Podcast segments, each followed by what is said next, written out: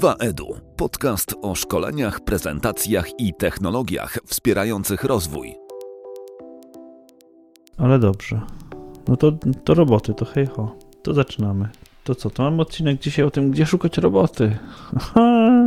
w ogóle to jest dobre, że nagrywamy sobie ten odcinek, a jest 22.40 i jest niedziela i jutro trzeba iść rano do roboty i o ironio, e, do różnej roboty, nie? No dokładnie, dokładnie. No ale wiesz, to jest taka e, pułapka własnej działalności, że ludzie idą dla wolności, a tutaj nagle się okazuje, że z wolnością to to ma mało wspólnego w niektórych momentach, nie? No, no, no czy wiesz co, to jest takie, ja, ja myślę, że mm, będzie okazja dzisiaj o tym rozmawiać, trochę o tym, e, czy na etacie, czy nie na etacie, czy, e, czy w startupie, czy w korpo, czy na uczelni i tak dalej. Myślę, że to jest, to jest ciekawy temat o tyle, że e, każdy ma swoje zdanie i ja myślę, że każda z tych organizacji, instytucji i tak dalej trochę się reklamuje w jakimś tam kontekście, to raz, a drugie w każdym z tych kontekstów są takie mm, mity. No nie? I ja trochę chciałbym, trochę chciałbym oskubać, e, oskubać z tych, e, z tych mitów. Każde z tych, każde z tych stanowisk. Myślę, że pracowałem chyba na wszystkich. Czekaj, pracowałem w korpo, pracowałem jako freelancer. Tak, pracowałem w, na, w uczelni, tudzież na uczelni. Tak, myślę, że myślę, że podejmuję się odrapywania tych wszystkich ról z, z, z mitów i narośli różnych. No to myślę, że będzie, będzie, będzie ciekawie. Ja tak może zacznę od tego, że na jednym z spotkań e, z Bartkiem Polakowskim, chyba on parafrazował nawet Twoje słowa, że 10 lat kolędowania o ile Ningu nie zrobiły dla niego tyle, co trzy miesiące pandemii. E, I dla mnie to były takie słowa, po których musiałem sobie to rzeczywiście przemyśleć. No ale trudno się z tym stwierdzeniem nie zgodzić, nie? No z, z drugiej strony pewnie byłoby swoją hipokryzją, gdybyśmy nagrywali e, o dewelopowaniu szkoleń i o byciu deweloperem, gdybyśmy gdzieś w połowie stwierdzili, że no, ta robota pewnie nie ma żadnego sensu, więc, więc e, Myślę, że do takiego wniosku też nie dojdziemy, jeżeli tutaj oboje jesteśmy, no ale zobaczymy. No, patrząc Wiesz, na ten, to, to, no. to, jest ciekawe, bo w ogóle, w ogóle to, to, to zdanie je napisał w komentarzu Hubert Krata. E, Hubert to jest, on pracuje w różnych tam instytucjach takich bankowych, chyba aktualnie, właśnie zerkam na LinkedIna, aktualnie pracuje w BNP Paribas, ale e, Hubert jakby mega ogarniętym człowiekiem, jeżeli chodzi o właśnie rozwojowe rzeczy, był przez długie lata pracował w Raiffeisenie e, i, i i jest człowiekiem, którego bardzo ogarnia, no nie? I, I, to był jego taki super celny, super celny komentarz. Znaczy, wiesz, my się bardzo lubimy, więc to, to nie była taka szpila, wiesz, złośliwości, tylko taka, wiesz, że to jest taka szpila, jak my sobie na przykład nawzajem dajemy, no nie? Rozumiesz, jak między, między mhm. ludźmi czasami jest taka relacja na tyle dobra, że mm, mogą się kopnąć w kostkę albo wbić sobie w szpilkę w ramach takiej, wiesz, yy, okazywania sobie sympatii, no nie? I, I, myślę, że i myślę, że właśnie w przypadku Huberta tak było, ale no, no, no tak jest, bo wiesz, jak ja sobie przypomnę, że Zobacz, ja robiłem jakieś edukampy, robiłem jakieś konferencje, oczywiście bloga pisałem i no, cuda, tak? No teraz dalej nagrywałem podcasty, są studia, jest, jest mnóstwo tych rzeczy, no nie? A one nie zrobiły tego, co tak naprawdę się, co tak naprawdę zrobiła pandemia, no nie? I dobra, jest boom, no nie? I, mhm. i, i tak naprawdę to był taki, mm, to był taki e, taki był artykuł emergency mode, no nie? Na temat tego, że właśnie, że to, to nie jest tak, że tak zawsze musi być, no nie? Tylko właśnie dlatego mam taki, mam taki chłodny optymizm, to nie? Ja, ja, się, ja się cieszę, że pewne rzeczy poszły do przodu, że wiesz, nagle ludzie zamówili sobie szkolenia, że nagle, e, nie wiem, wykorzystanie aplikacji takich jak Miro, Mural, czy naprawdę zainteresowanie się tym, żeby mieć fajny mikrofon, dobrą kamerę i żeby ogarnąć e, aplikację do wideokonferencji, e, to jest super. Ja myślę, że to już z nami zostanie, no nie, ale wiesz, jakby to jest, to jest trochę tak, że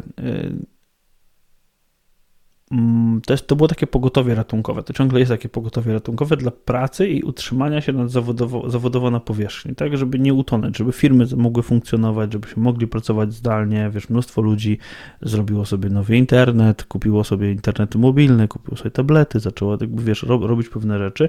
I teraz te wszystkie skille, które które ludzie zdobędą, to jest super. Te umiejętności, które mają, jest super. No nie?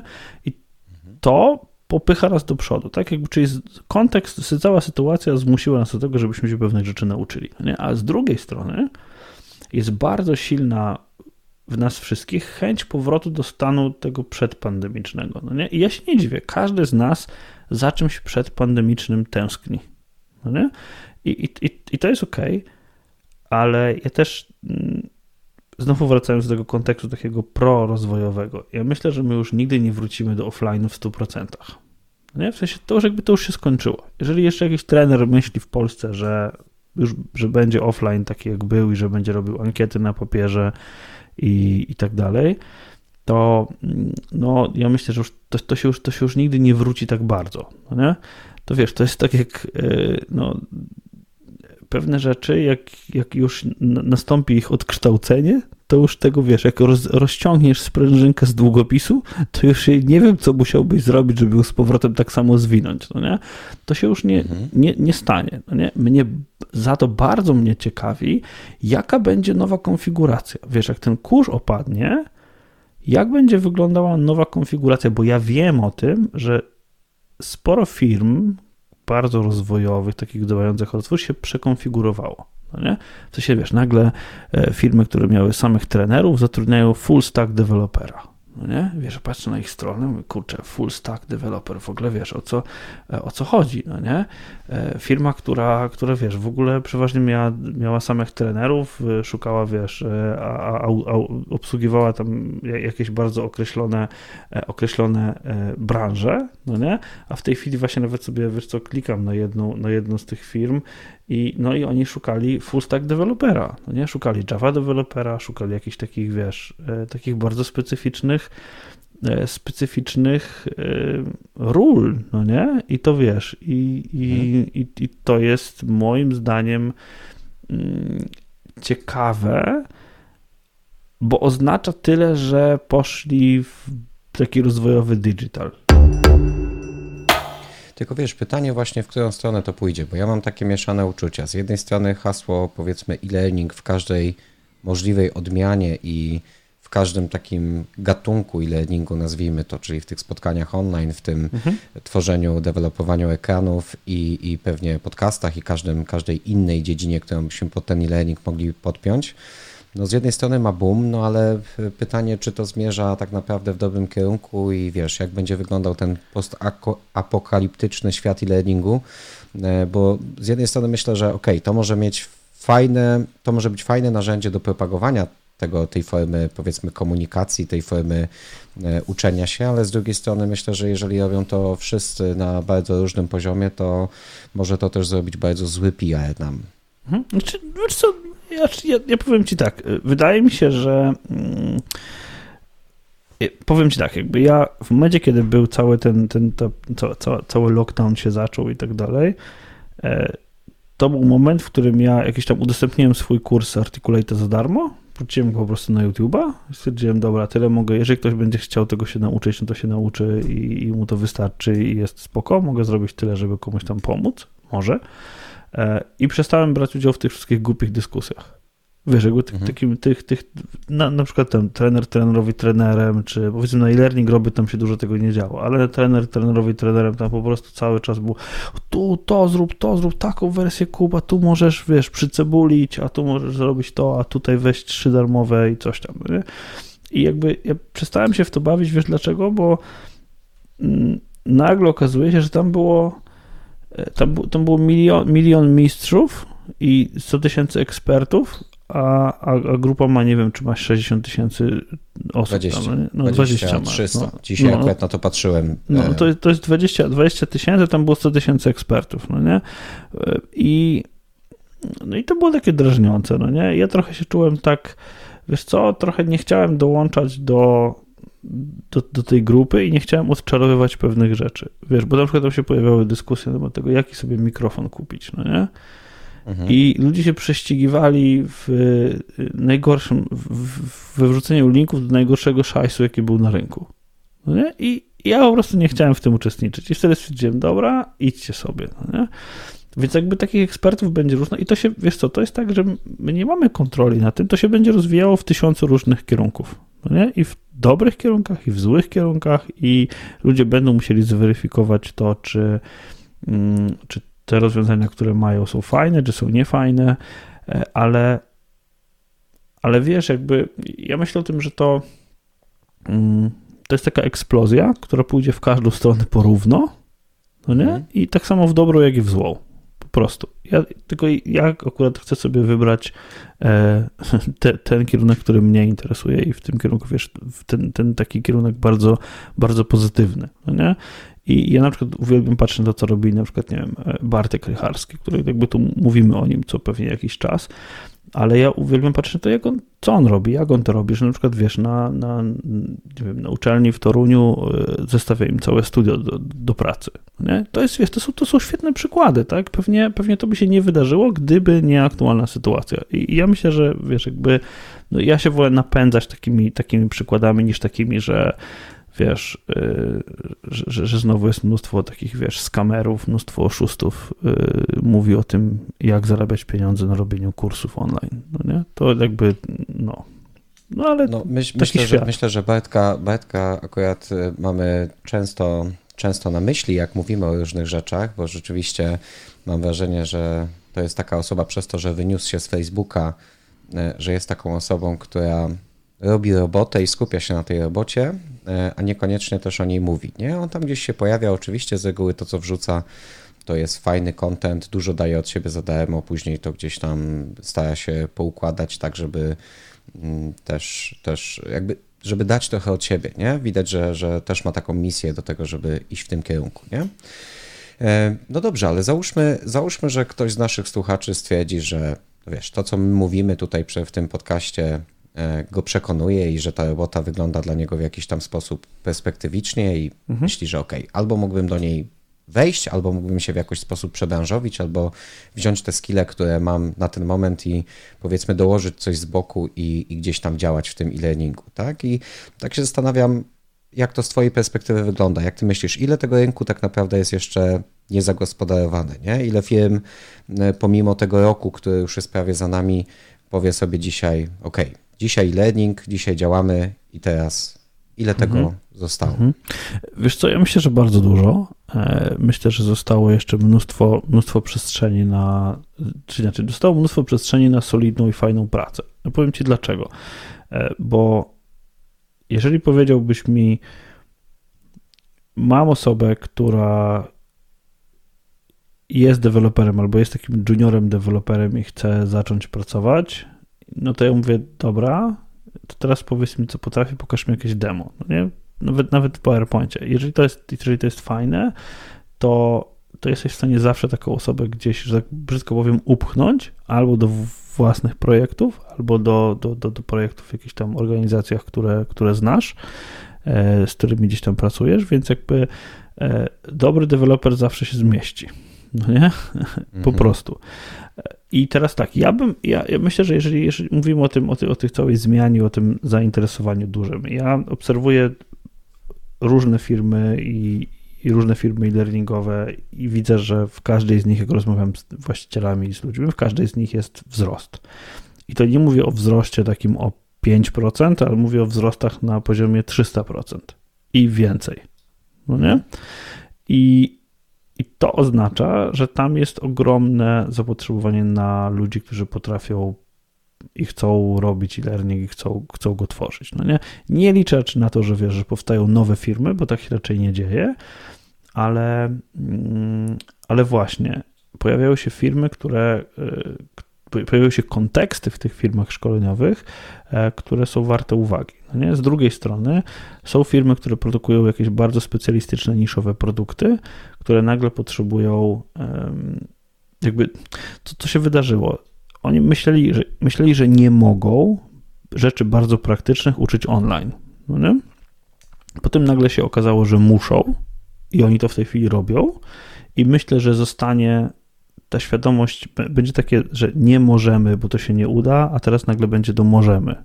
No I teraz myślę, że jakby wezmą pod uwagę całe oszczędności, bo wiesz, bo jakby oczywiście branża e-learningowa wiecznie mówiła o tych oszczędnościach, ale teraz te oszczędności po prostu widać, tak? To, że kupisz komuś, nie wiem, kamerę za 1000 zł i Zooma za, nie wiem, 300 dolarów rocznie, nie wiem ile Zoom kosztuje, no ale załóżmy, że to, to kilkaset dolarów, e, bo myślę, no że nie 15, 15 na miesiąc. Więc no, tak no, wychodzi no, 180. Niech by tam wiesz, no, niech, niechby 500 dolarów nawet, nie? No powiedzmy, wydajesz 1000 dolarów i nagle i tyle, tak? 1000 dolarów to jest, e, to, to jest, e, nie wiem, tydzień w hotelu, no nie? No bo tyle za hotel, za samochód, za paliwo trzeba dalej zapłacić. No? Więc jakby firmy zobaczą, że tam ta oszczędność jest i że to działa i że wcale nie ma gorszych wyników. I to jest jeden kontekst, który myślę, że ma, że ma sens. A drugi jest taki, że firmy, duże firmy szkoleniowe miały swoich stałych klientów. No nie? Na przykład znam taką firmę, która obsługuje właśnie branżę automotive, czy inna, która obsługuje FMCG. I teraz okazuje się, że to wcale nie jest tak, że nagle kontrakty wyparowały. No nie, one ciągle są, ale trzeba było zmienić metody. I teraz tam jest zaufanie pomiędzy nimi, jest relacja, bo oni pracują ze sobą od lat i teraz tam potrzebne są trochę inne kompetencje. I, i tu bym upatrywał tego, że po prostu będzie branie na e-learning deweloperów. Po prostu. Ja mam zapytania ciągle, czy ktoś tam, czy nie znam kogoś, kto by chciał, nie? To wiesz, podsyłaj, podsyłaj, wiesz, nie ma co się tutaj szczepać i wiesz, trzeba działać. No, oczywiście, tylko wiesz, jakby z drugiej strony właśnie, co, co jest ciekawe, firmy chcą kogoś na etat, no nie? Pewnie z wielu kontekstów, ale, ale chcą na etat, nie? No, dzisiaj pewnie, dzisiaj pewnie też nam wyjdzie, czy ten etat jest spoko dla e-learning dewelopera, czy też nie. Ale jeszcze odnośnie tego, co mówiłeś o firmach szkoleniowych, rzeczywiście ja też jako ten, wiesz, obracam się w tym środowisku i gdzieś tam z różnymi firmami w Polsce współpracuję. Mam tą Polskę też podzieloną na różne rejony, w których mam gdzieś tam firmy, które od czasu do czasu mi te szkolenia zapewniają albo proponują i, e, i też dla wielu z nich ja jestem po prostu na swoją część Polski takim odpowiednikiem, gdzie oni mogą coś ze mną zrealizować. Ale powiem Ci, że no, czuję lekki taki zawód po tej pierwszej części, gdzie gdzieś tam w okolice marca, kwietnia dzwoniłem do tych firm szkoleniowych i mówiłem, ok, dobra, dla mnie ta formuła jest znana, u mnie się nic nie zmienia, tak naprawdę ja będę pracował dokładnie tak samo. W związku z tym, jeżeli byście chcieli, to ja chętnie się zajmę, ale nawet nie waszymi klientami, tylko może porozmawiajmy z trenerami. Mm, I, I bo to nie zawsze są, tak jak nam się wydaje, że to są trenerzy, którzy są na etat i oni działają i tylko zajmują się szkoleniem, i czasami to są osoby, które po prostu zawodowo pracują w zupełnie innej branży, mają jakąś wiedzę taką ekspercką i powiedzmy to jest dla nich taka, taki drugi etat, bądź e, jakaś szansa na realizację się, jakaś pasja do tego, żeby tą wiedzę przekazywać, więc tutaj konteksty są też różne.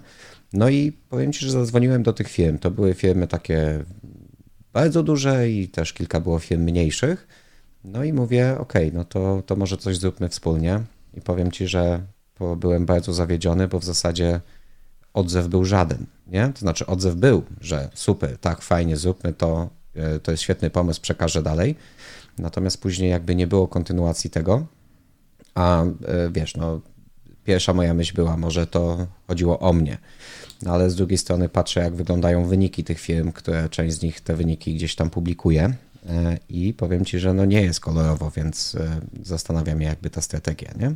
Mhm. Znaczy, wiesz co, ja myślę, że mm, ja myślę, że ja, ja, też brałem udział akurat y, z, razem z Bartkiem Polakowskim, którego tutaj wspomniałeś, braliśmy udział w takiej konferencji um, zorganizowanej przez Wojewódzki Urząd Pracy w Krakowie. To była konferencja dla firm, które mają jakiś tam certyfikat jakości dotyczący metod rozwojowych i tak dalej. Ale tam różnego rodzaju ankiety były prezentowane właśnie. I mnie przeraziło to, że, że w wynikach tych ankiet było tak, że po prostu, no to tak, tak, większość firm odnotowuje spadki, no nie? ale y, większość firm czekała. Rozumiesz, jakby wyniki ankiet były takie, no zaczekajmy. Więc ja myślę, że marzec to był jeszcze taki, taki czas, kiedy ludzie mocno wierzyli, że w czerwcu się to wszystko skończy i wróci do normy. No nie? I pojedziemy nad morze i jak wrócimy z nadmorza, to już wszystko będzie miętowo. No nie? Mhm. Wydaje mi się, że, że, że to było, to było takie, takie podejście, taka, taka ułuda, że wiesz, no taka poważniejsza grypa będzie i, i wszystko się ułoży z powrotem. No nie? Okazuje się, że się wcale nie ułożyło i, i że, mm, że trzeba poszukać jakiejś trwałej zmiany i czegoś stabilnego, nie? stabilnych punktów odniesienia, nowych punktów odniesienia. I, i, I myślę, że to, co się działo w marcu, to była ogromna panika i mnóstwo chaotycznych takich randomowych decyzji, takich wiesz, nie chcę powiedzieć, że tonący brzytwy się chwyta, ale takich totalnie randomowych decyzji. No nie? Do tego ostatnio randomowych, że, że mam, mam dwa, dwa, dwa przykłady tego. Z jednej strony y, randomowe decyzje i na przykład mm, ja poczułem się trochę taki właśnie też zawiedziony, tak mówisz o pewnym, pewnym zawodzie, to ja się poczułem zawiedziony tym, że na przykład uczelnia, w której pracuję, mhm. Mm, pomimo tego, że składałem propozycję, że z miłą chęcią przeszkolę wykładowców i mam do tego narzędzia i po prostu to zrobię i nie, nawet nie rozmawiałem o żadnych pieniądzach. No nie? Powiedziałem, że po prostu zrobię, bo rozumiem, że wykładowcy tego potrzebują i, i nikt nie stwierdził, że, że chce. No nie? I tutaj no, poczułem, że gdzieś tam. Takiego, to jest chyba coś takiego, jak ty mówisz, że wiesz, no, nie ma takiej innowacji, której nie da się przeczekać, nie? I wydaje mi się, że to była ta postawa, która przez długi czas gdzieś tam towarzyszy, czy towarzyszyła, czy towarzyszy tym e, różnym firmom, bo to nie chodzi o to, żeby tutaj na kogoś naskakiwać czy coś, tylko ogólnie branża, no wiadomo, jest pozamykana, ma duże problemy. E, nie każdy miał też jakieś powiedzmy stałe źródła dochodów, w sensie stałe jakieś kontrakty, tylko to mhm. czasami odbywało się po prostu na jakichś takich luźnych, luźnych relacjach. Więc, e, no tak jak mówisz, no, z tego, z tego pupu wynikało i z kilku innych raportów, chociażby PIFS-u, że no, nie, jest, nie jest kolorowo, e, a moim zdaniem też dalej nie będzie łatwiej. Nie? Wiesz co, nie jest kolorowo, tylko że to, to jest moim zdaniem problem jest tym, że są deklaratywne dane. Z drugiej strony to będzie znowu bardzo brutalne. Znam firmy, które bardzo kreatywnie podeszły do niewykazywania dochodów po to, żeby wziąć jakieś tam tarcze i tak dalej. Więc to wiesz, jakby ja tutaj się nakłada na to mnóstwo kontekstów, no nie? Ale, ale ja myślę, że widzisz, jest kwestia tak, że pewne chaotyczne decyzje, które, były, które są podejmowane, takie w trybie paniki, są no po prostu szkodliwe dla tych firm. No nie? I, I, już. No nie? I, i, teraz, I teraz nie będzie wcale dużo szybciej, dużo lepiej.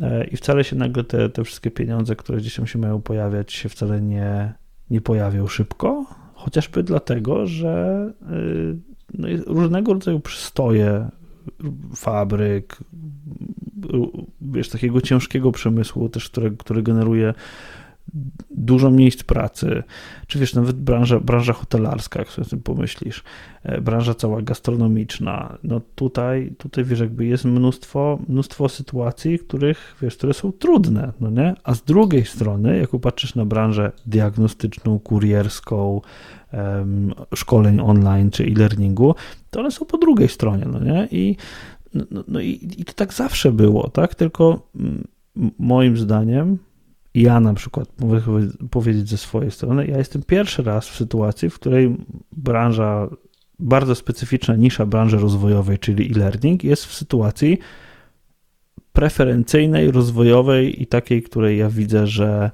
um, nie wiem, jestem nawet w stanie stworzyć miejsce pracy. Nie? Jakby wiesz, to się zdarzyło pierwszy raz, a branża hotelarska i inne branże miały to jakby w innych kontekstach, nie? Mhm.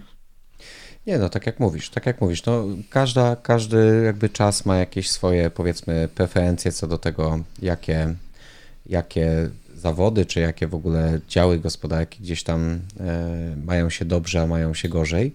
Mm, no ale też trzeba pamiętać, że dla e-learningu tak naprawdę wszystkie te działy potencjalnie są klientami, więc jeżeli gdzieś się dzieje źle, no to potencjał jest też, że u nas też się będzie działo źle, bo my tak naprawdę jesteśmy wszędzie, nie? Mhm. Jesteśmy wszędzie i gdzieś tam współpracujemy z różnymi osobami. Mm, ale tak szukam, wiesz, e, do tego, żeby to nie brzmiało tylko tak. E, z jednej strony mówimy bardzo optymistycznie, tak? Tutaj mamy kogoś, kto ma setki procent w górę, z drugiej strony patrzymy na raporty i z tych raportów wynika coś dokładnie, e, mam wrażenie, odwrotnego. Mm, no ale tak spróbujmy pójść i, i pomyśleć, co można by z tą, z tą sytuacją w ogóle zrobić, nie? I teraz ja się jestem akurat świeżo po tym, jak wczoraj prowadziłem pierwsze zajęcia właśnie na naszych studiach podyplomowych y, na WSF w Krakowie. No i wiesz, dla mnie to jest zawsze taki czas, taki czas radości, taki czas oczekiwania i, i naprawdę mam z tego dużo satysfakcji, tak? To nie jest żadne jakieś tam kadzenie czy, czy coś, tylko ja po prostu na to czekam, nie? No i tak myślę sobie, no ty te studia, wiesz, prowadzisz, nie? I jak, jak to z twojej strony wygląda, wiesz, czy te studia w ogóle coś, coś dają? Mhm. E, znaczy, powiem ci tak, jakby kwestia jest taka, że te studia to w ogóle były, były ciekawe, bo ja sobie gdzieś tam dawno wymyśliłem. No, opisałem w zeszycie, jak bym chciał, żeby te studia wyglądały i założenie było takie, żeby to były takie studia, na które ja bym poszedł. I potem nie było jakby przestrzeni ani miejsca na to, żeby je gdzieś uruchomić. No i położyłem je na półkę i potem się okazało, że takim zbiegiem okoliczności albo, albo zbiegiem jak, jakiejś y, no, pozytywnych, pozytywnej perspektywy rozwojowej spotkał się Mateusz Tułecki z e, e, mój bardzo dobry kolega z Renatą Juraszczyk, która wtedy odpowiadała za e, studia podyplomowe, była szefową studiów podyplomowych na Wyższej Szkole Europejskiej i, i, i na to wszystko i po, pojawił się jeszcze Błażej Sajduk, pozdrawiamy w ogóle całą trójkę mhm. I, i, i to trio doszło do wniosku, że fajnie by było mieć jakiś nowy kierunek na, na WSE, na podyplomówce. I może, może by coś takiego zdalnego kształcenia by, by się zdarzyło. Mateusz nas skontaktował ze sobą. Ja pamiętam jak dzisiaj e, przy ulicy Filipa, wtedy był bardzo, bardzo lubiłem to miejsce, e, przy ulicy Filipa, e, tam gdzie, gdzie WSM miało siedzibę, spotkałem się z Renatą i po prostu wyciągnąłem zeszyt i powiedziałem, studia mogą wyglądać tak, tak, tak i tak, tu mam taki plan, tu mam wykładowców, tu jest program. I, I poszło. I Renata powiedziała, dobra, robimy, no nie? I wiesz, jakby to, to, to jest właśnie, dla mnie to jest taki to jest taki protip, że wiesz, jeżeli masz jakiś fajny pomysł, to po prostu weź go dobrze opisz. No nie? Jakby zmuszcz się, weź go dobrze opisz i czasami może nawet postaw go na półkę i niech on sobie zaczeka. No nie? Bo, bo ja na przykład wystrzelałem się z mnóstwa pomysłów takich jak, nie wiem, konferencja EduCamp i, i pewnie inne rzeczy. Wystrzelałem się z nich za szybko E, I, I, na przykład z podcastu też się wystrzelałem. Nie, podcast w ogóle, podcast o e-learningu to ja pierwszy nagrywałem jeszcze dawno, dawno temu i, i, i wtedy, kiedy były konferencje EduCamp, no nie, i w ogóle o studiach nikt jeszcze nie marzył. I potem go zakopałem i odkopałem w momencie, kiedy faktycznie był na, był na to czas, no nie? Ale, ale ja, ja się ciągle cieszę z tego, że te studia są, no nie? Ale e, no... Hmm Wiesz co, nie wiem, czy one dzisiaj spełniają swoją rolę. One, kiedy one powstały, i to, to będę, będę, teraz tak naprawdę brutalnie szczery, i to, i to nie chodzi o to, że będę mówił jakieś złe rzeczy na ten temat, bo ja ciągle to lubię, no nie? ale mhm. nie wiem, czy one spełniają dzisiaj swoją pierwotną rolę. Powiem ci dlaczego, bo um, moje założenie było takie, że te studia miały być takim miejscem, gdzie będziesz w stanie poznać różne konteksty. No nie? Właśnie y, będziesz mógł spotkać różnych ludzi, a przez różne konteksty będziesz mógł, że tak powiem, polizać różnych smaków, no nie? Że tu będzie grafik, tu będzie osoba od mediów, tu będzie prawnik, no nie? I oni wszyscy pracują w tym wspólnym jednym temacie, no nie? Moje wrażenie jest takie, i tak patrzę po tych feedbackach, które czytam z zajęć, bo też jakby analizujemy każde zajęcia, analizujemy feedback każdy, każdych zajęć, każdego zjazdu mam wrażenie, że z roku na rok jest coraz większe mm, oczekiwanie na to, żeby to była taka szkoła zawodowa, że szkolimy zawodu instructional designera albo dewelopera i dajcie mi skille do narzędzia, e, dajcie mi umiejętności w takim i takim kontekście i ja sobie już idę dalej. No nie? No, no. 2EDU. Jeśli zależy Ci na efektywności szkoleń i interesują Cię nowinki techniczne, ten podcast jest właśnie dla Ciebie.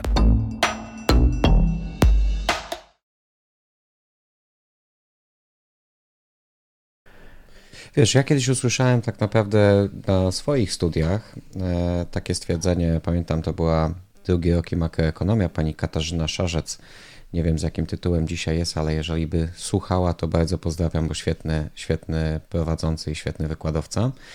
Że tak naprawdę te studia to, to tak jak mówisz, dają kontekst, nie? że 95% pewnie tej wiedzy ucieka, mm, i, i, ale jeżeli usłyszymy, że jakieś zjawisko, na przykład inflacja w moich studiach ekonomicznych, ona wynosi tyle i tyle, no to wtedy potrafimy połączyć kropki pomiędzy tym zjawiskiem a innymi, które potencjalnie mogą się wydarzyć, albo co potencjalnie może się wyda- e, co potencjalnie innego może się zdarzyć na podstawie tej informacji, którą dostajemy. Nie? Więc no, z jednej strony masz, masz wiedzę o tym, czym jest na przykład ta inflacja, z drugiej strony masz kontekst, ok, do czego, do czego ona w ogóle służy, albo czego ona jest efektem.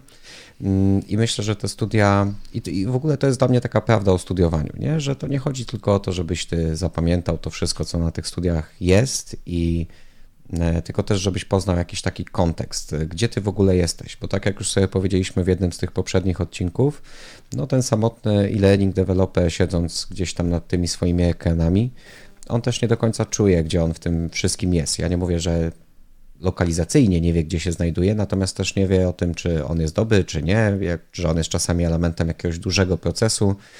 E, a mówię, te studia dają ci kontekst tego, gdzie to, gdzie to, gdzie on tak naprawdę się znajduje. Tak i dla mnie takim kolejnym argumentem jest to, że te studia to jest takie nagromadzenie praktyków. Nie? Że tutaj masz osoby, które się tym zajmują albo które potencjalnie by się tym zajmowały i to po dwóch stronach biurka. Masz kontakt z tymi ludźmi, wiesz, masz do nich telefon, masz do nich maila, możesz zadzwonić, czasami się poradzić, tak jak to my też y, kilkukrotnie czy wielokrotnie tak naprawdę robiliśmy z różnymi projektami, no i to jest, to jest fajne, tak? To jest też fajne, tylko pytanie, czy ludzie, wiesz, doceniają, doceniają tą możliwość w momencie, kiedy studiują. Wiesz co, y, myślę, że wtedy, kiedy studiują, to nie do końca. Y, I, i wie, ale wiesz dlaczego? Ja tak właśnie się zastanowiłem na tym w tej chwili, no nie? Że dlatego, że nie znają, tej, nie znają branży, dla wielu osób te studia są wejściem w branżę. No nie? I, I ja miałem takie doświadczenia, że ktoś przyszedł na te studia, e, ponarzekał trochę, a potem pobył w tej branży pół roku i, I potem po tym narzekaniu, i, i potem gdzieś tę osobę spotkałem, pytam się, no ale to jest słuchaj, no to tak, to ci nie pasowało, tam to ci nie pasowało, zawsze te feedbacki gdzieś tam mówię, mam sobie jakby zawsze mnie te, wiesz, negatywne, ja nie jestem osobą, która dobrze radzi sobie z, e, z takimi, wiesz, złymi komentarzami, z jakimś tam hejtem i tak dalej. Ja zawsze przeżywam, to gdzieś mi to siedzi potem z tyłu głowy, przykleja mi się, no nie? Mam tak, że, że właśnie zapamiętuję to, potem staram się jakieś tam rzeczy naprawić i tak dalej. E, może to dobrze, może nie, e, ale okazuje się, że ta osoba mi powiedziała, ty wiesz co, ale ja dopiero, dopiero doceniam to, mm, kogo znam i z kim miałem kontakt, e, kiedy już zacząłem znać tę branżę. No nie? Że, to, że, to jest takie, że to jest takie przesunięcie, no nie? Że, że trochę oczekiwanie było takie, e, wiesz, jak na koncercie Majki Jeżowskiej. Siadam w pierwszym rzędzie i, i baw mnie. No nie? A to nie jest, te studia takie nie są po prostu. O, wiesz co, poruszyłeś też fajną kwestię odnośnie tego, wiesz, jak reagujemy na jakiś tam feedback y, i tak y, właśnie ostatnio sobie pomyślałem, y, że mnie już to tak bardzo nie rusza, wiesz, ja, to, to nie jest tak kwestia, że ja się tym nie przejmuję, bo, bo tutaj bliskie jest mi stwierdzenie Jandy, że jeżeli nie czujesz stresu przed wyjściem na scenę, to znaczy, że pora z tej sceny zejść mhm. i ten stres mi zawsze gdzieś tam towarzyszy przy tych szkoleniach, E, i pewnie dla wielu osób, e, wiele osób zwraca uwagę, wiesz, że to wychodzi tak lekko. Natomiast właśnie, żeby to mogło wyjść tak lekko, wiesz, nie widać tego, tego wszystkiego, co się dzieje gdzieś tam i potrafisz to głębiej ukryć w sobie, panujesz nad tym. No ale w kontekście tego feedbacku yy, zwracasz na to uwagę. Ja zawsze też przeglądam i patrzę, patrzę co tam jest i, i na co ludzie zwracają uwagę, co im się podobało, co nie, jeżeli się chcą tylko tym podzielić. E, ale wiesz, jak jesteś oceniany średnio raz w tygodniu, no to też jakby trochę musisz mieć taką grubszą skórę do tego, że jeżeli będę się tym, e, wiesz, to ma być bardziej feedback i staram się coś z tego wyciągnąć, a nie staram się o tym myśleć gdzieś tam długoterminowo, bo mhm. do, no mhm. pewnie wiesz, można dostać na głowę. Nie? E, wiesz to tak, ale ja na przykład wracając do tematu studiów, wiesz, ja, ja czuję się odpowiedzialny za całość tego, no nie? I, I na przykład co roku mam ogromny problem, i to, i to jest problem tych studiów, one takie po prostu są z ustaleniem wszystkich terminów zajęć, no nie? To jest niemożliwe do zrobienia. Dlaczego? Bo mamy samych praktyków na przykład, no nie? I teraz przez to, że mamy samych praktyków, okazuje się, że e, no, nie do końca e, jesteś w stanie przewidzieć, co będzie za rok, za pół roku i tak dalej, a oczekiwanie studentów jest takie, że mają pierwszego tam, wiesz, 1 października, czy tam 20 października chcą wiedzieć dokładnie kiedy, z kim i jakie będą mieć zajęcia to jest nie do zrobienia po prostu, no nie? I wiesz, ja na przykład biorę to do siebie, że ktoś jest z tego niezadowolony, no nie? Albo na przykład dostaję feedback taki, e, za dużo materiału jak na tak krótki czas, nie? W sensie, no bo mhm. jest, na przykład mamy tam przedmiot nie wiem, dotyczący nie wiem, multimediów na przykład no nie? i nie mamy na niego za dużo czasu. Mamy czasu tyle, żeby, żeby wiesz, jakbyś liznąć temat, powiedzieć komuś, ej, takie i takie są narzędzia, tak i tak się w nich pracuje, to jest wektor, to jest raster, no nie? I jednocześnie ktoś mówi, że ten przedmiot jest w ogóle bez sensu, no nie? albo że on jest w ogóle niepoziomy, nie, nie, nie, nie, nieprzydatny, no nie? I, a ktoś pisze, że jest w ogóle super, no nie? Wiesz, jakby to jest tak różnorodna praca jest dewelopera, no nie? że ja w jednym feedbacku dostaję, że tego przedmiotu jest za dużo, i w tym samym feedbacku dostaję, że jest go za mało i że tych zajęć powinno być więcej, albo że one są w ogóle niepotrzebne. I wiesz, jakby mm, jak jesteś opiekunem takich studiów, to jest to trochę takie frustrujące, no nie? A, a chociaż może, wiesz, może już ja też, wiesz, mam, mam różne myśli, czasami się zastanawiam tym, czy wiesz, czy, a może już nie czas to skończyć, no nie? O kurczę, to widzisz, tutaj takie wychodzą nam przemyślenia jeszcze, wiesz, może to już była ostatnia szansa, mówisz, tak? Wiesz co, powiem ci, powiem ci tak, jakby mam, mam co roku, co roku jest taki etap, yy, etap, że się zastanawiam nad tym, czy, yy, czy, czy otwierać rekrutację na następny rok, czy nie. I to mam tak chyba od trzech lat, no nie? Y, I, I, co roku pada tak, że a dobra, no jeszcze w tym roku, no nie? a jeszcze w tym roku. I, mm, ja myślę, że wiesz, gdzieś jakaś część mnie bardzo chce, żeby te studia ciągle były, no nie? Bo mhm. ty kiedyś zapytałeś o to, nie? A po co ci to? No nie? E, I... No pytałem cię o wiele rzeczy, wiesz, bo ja czasami, ja ci najczęściej zadaję pytanie, kiedy ty to robisz, a drugim pytaniem jest rzeczywiście, po co ci to, wiesz, szukam jakiegoś takiego kontekstu. No i wiesz, ja się teraz, ja nie mam takiej jednoznacznej odpowiedzi, no nie, bo z jednej strony ja myślę sobie tak, że mm, to jest trochę taka, ja, ja bym chciał, żeby ludzie robili dobry e-learning. Po prostu. No nie? Bo jeżeli ludzie będą robić dobry e-learning i wszyscy będziemy robić dobry e-learning, dobry znaczy równa się e-learning, który działa, e, to wtedy będziemy mieć fajniejszą pracę. Po prostu. No nie? I to, i to jest ok. A druga rzecz jest taka, że no to jest trochę budowanie takiej marki. Wiesz, pewnie nie byłoby tego podcastu, gdyby nie było tych studiów. Nie? Nasza relacja gdzieś tam się rozwinęła przed, w trakcie i po tych studiach. No nie? E, I pewnie nie byłoby takiego projektu jak letnia szkoła e-learningu. Pewnie, pewnie ja nie miałbym iluś tam klientów. Takich, wiesz, klientów, którzy, e, do których nie musisz startować na, na przetarg, tak? Tylko po prostu ktoś przychodzi i cię zaprasza do pracy. Więc e, no, wydaje mi się, że, że to jest, wiesz, że to jest, e, mm, że jest w tym duża wartość, e, ale z drugiej strony właśnie no, co roku zastanawiam się tym, a jaki jest koszt. No, wiesz. Bo biznesowo to się jest... nie opłaca, no nie? No, ale wiesz, to e, tutaj Poczekaj, szukam, szukam. Władysław Bartoszewski mówił, że są rzeczy, których nie warto, ale się opłacają i są rzeczy, które, e, które warto, pomimo że się nie opłacają. Czy kurczę, teraz poczekaj, zamotałem. E. Wiesz, mamy, mamy technologię. Ja sprawdziłem. Pani Katarzyna Szarzec jest panią profesor w tej chwili, a teraz sprawdźmy sobie, co powiedział Bartoszewski.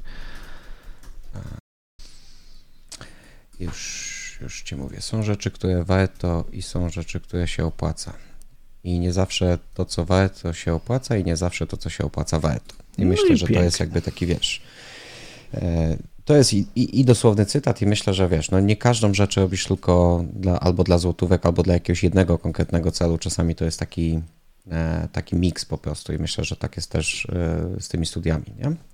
Więc to jest, to jest z mojej strony, e, wydaje mi się, fajne i to mi też daje, wiesz, dużo, dużo satysfakcji. No ale dobrze, Piotrze, no myślę, że idziemy w kierunku jakichś e, różnych modeli pracy, mm, bo studia studiami, ale powiedzmy te studia trzeba skończyć i za coś konkretnego, za coś konkretnego się wziąć. Mm, I myślę, że mamy kilka różnych tutaj propozycji, które sobie wypisaliśmy i które pewnie chcielibyśmy, e, które byśmy chcieli omówić. E, a gdybyśmy mieli wyłuskać taką jedną na początek, ja wiem, że najpierw e, powinniśmy może je omówić, ale e, taka droga, która dla osób, które już są niecierpliwe, która byłaby tą najbardziej taką trendy i najciekawszą, to co ty byś wymienił? Znaczy, jeżeli miałbym sobie wybrać, bo wy, miałbym sobie wybrać z, tych, z, tej, z tej całej listy, którą tutaj masz? Tak jest. Dobrze, to jeżeli miałbym sobie wybrać taką, która na, na ten moment byłaby dla mnie, y, dla mnie najfajniejsza, to y, mm, no słuchaj, ja bym został przy tym korpo. Wiesz, tak patrzę, no nie, bo mamy, mamy, mamy freelancera, mamy korpo i mamy pracę na uczelni, tak sobie to, tak sobie to wymyśliliśmy, no nie? I wiesz co, i, i wybrałbym to korpo. Mimo wszystko, mimo, mimo tego, że zaraz będziemy mówić o plusach i minusach, to tak wybrałbym, wybrałbym ciągle e, korpo. Mhm. Okej, okay, no dobra, no to wiesz, y, trochę już o tym mówiliśmy tak naprawdę w kontekście jednego z poprzednich odcinków, mm, ale no też trzeba by zaznaczyć, że jak będziemy omawiali te poszczególne rzeczy, że no dużo rzeczy wykonywaliśmy, ale pewnie też, e, też nie wszystko w takim samym stopniu, więc to będzie taka nasza e, subiektywne, subiektywne podejście, ale też żeby od razu powiedzieć, że te rzeczy, które będziemy sobie omawiać, to to nie tylko osoby, które chcą typowo robić ekrany i typowo je dewelopować, ale tutaj jest miejsce na wiele tak naprawdę różnych osób, mhm. bo jeżeli ktoś ma jakiś język i im jest ten język bardziej egzotyczny, tym pewnie, pewnie większa szansa też, żeby robić jakieś ciekawe projekty. Może nie będzie ich dużo. Mam tutaj na myśli na przykład koleżankę, która z Poznania wywędrowała do Warszawy, później do Serbii, teraz mówi po, po w tych w, po serbsku, czy, czy gdzieś tam w okolicy uczy się też tych języków, które są dookoła. No i powiem ci, że to jest jedyna osoba, którą ja znam, która potrafi, wiesz, z polskiego na tamten język pewnie, pewnie gdzieś temat ogarnąć, więc y, języki to na pewno. Pewnie jakaś kwestia, y, pewnie jakaś droga się znajdzie i dla analityków, dla osób, które chciałyby tą platformą zarządzać, które mają E, jakieś zacięcie do tworzenia scenariuszy, testowania mhm. tych rzeczy. Tak, no tu jest cała masa tak naprawdę miejsca do tego, żeby, żeby działać w tych różnych formach. Mm, no i mówię, to będzie pewnie takie nasze subiektywne, subiektywne podejście. Ja z racji tego, gdzie jestem i czym się posługuję, że tak powiem, czy jaką formą się posługuję najczęściej, no mi najbliżej jest do tego freelancingu, nie? Ja przeszedłem i przez e, etat, e, gdzieś tam działamy w korpo w jednym czy, czy w drugim, więc e, jesteś w różnych miejscach. Natomiast mhm. wiesz, dla mnie finanse to jest taka, to co już powiedzieliśmy, najwięcej takiej zdradliwej wolności. Bo z jednej strony wiele osób idzie na swoje i mówi, ok, to teraz ja będę miał dużo czasu, albo teraz to już nie muszę pracować. I to jest takie bardzo e, niebezpieczne, ale w drugą stronę. Tak, że z jednej strony mówisz, ok, mogę nie pracować, ale z drugiej strony, kiedy nie ma tych sufitów, E, szklanych odnośnie poszczególnych stanowisk, pensji i tak dalej, no to czujesz, że możesz tak naprawdę zdobyć świat, jeżeli tylko sobie tego świata trochę więcej wydrzesz. Mm, z drugiej strony, wiesz, przynajmniej teoretycznie robisz to, co chcesz, mm, natomiast jak jesteś firmą, to druga strona też od ciebie dużo więcej wymaga i, i, i kończy się na tym, że ty w zasadzie nie robisz tak naprawdę tego, co chcesz. No ale wiesz, to dla mnie mimo wszystko to są, to są jakieś tam, ja bym to zapisał po, po stronie kategorii plusów. A jak mhm. u ciebie to wygląda z plusami freelansu? Wiesz co, dla mnie, dla mnie jeżeli chodzi o plusy freelansu, bo wiesz, jakby u mnie ten freelance, czy tam posiadanie jednoosobowej działalności gospodarczej e, jest, e, jest bardzo specyficzny i, i, i powiem ci, e, może to będzie dobre, dobre na, na, na podsumowanie, ale mo, może niekoniecznie. E, freelance jest świetny, jeżeli e, potrafisz go sobie dobrze skonfigurować. No? E, dla mnie ogromne plusy freelansu to jest takie, że po pierwsze, nie musisz pracować za złotówki, nie musisz pracować dla Polski, nie musisz pracować dla tego kogoś, kogo ci ktoś podsuwa pod nos. No? Po drugie, nie musisz pracować za złotówki, możesz pracować za funty, dolary, franki i tak dalej. Druga Im silniejsza taka, waluta, tym rośnie nasza chęć do pracy w niej. Tak.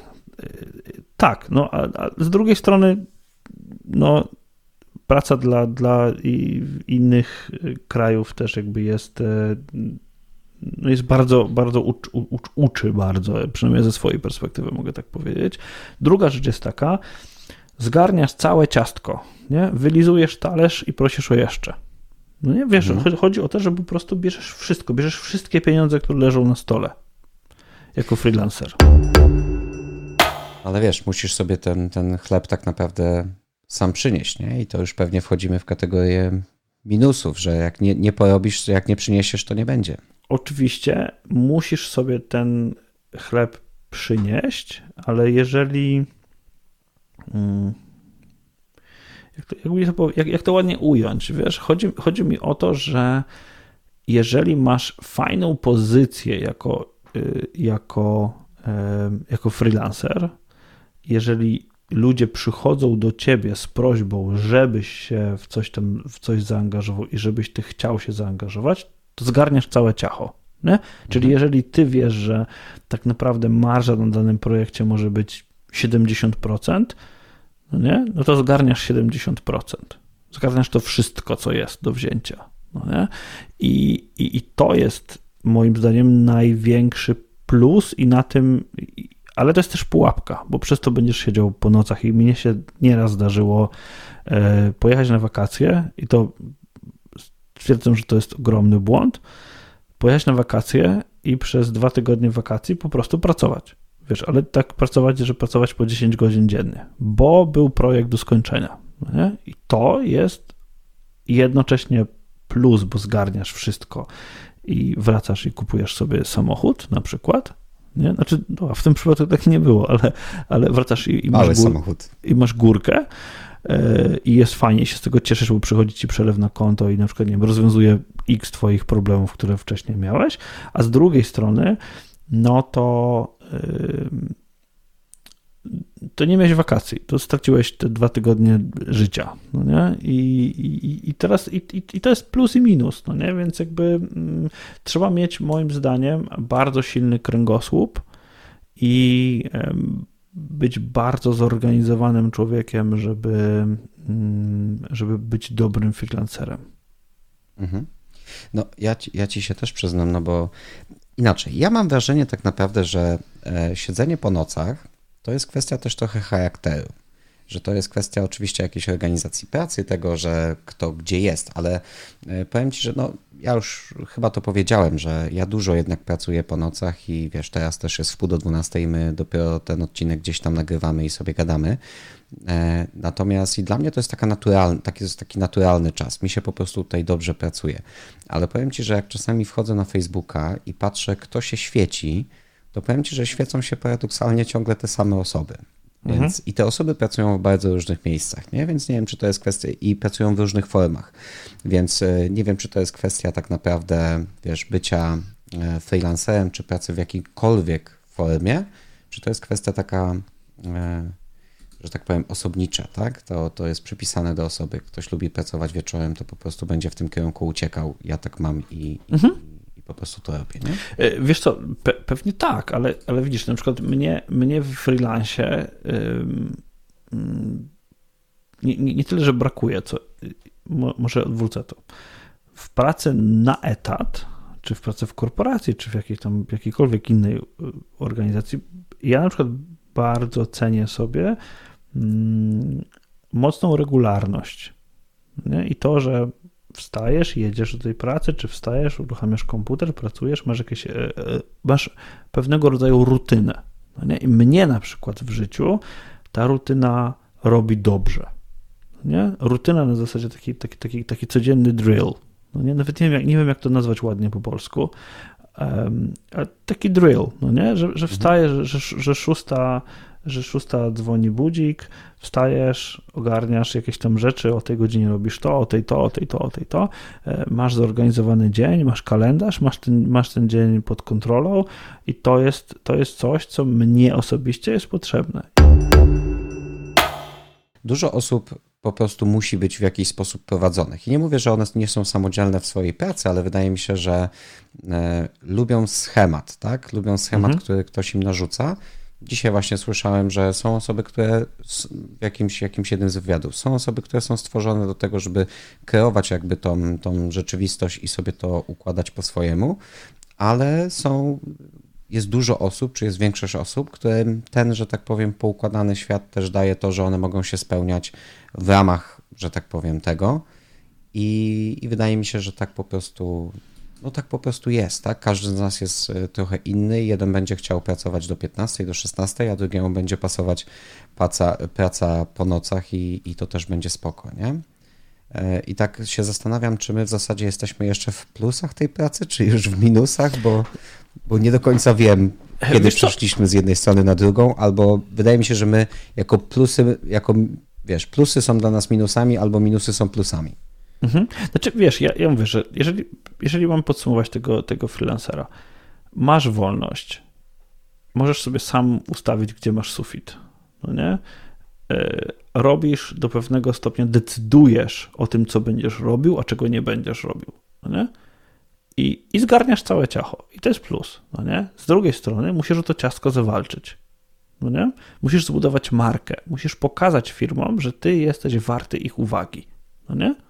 Mhm. A i musisz mieć świadomość tego, że największe ciastka są dla ciebie niedostępne. Bo jesteś Co za mały. Jest, jesteś Aha, za mały po sensie. prostu, tak? Jasne. E, nie pójdziesz do dużej korporacji e, i, i nie powiesz, chcę dla was pracować, bo jestem dobry. Tak, ojciec powiedział, super, chodź na etat, a ty powiesz, nie, nie, nie, ale jestem freelancerem. Mówię, sorry, nie podpiszemy z tobą. Wy jesteś jednoosobową działalnością gospodarczą. Spadaj. Mhm.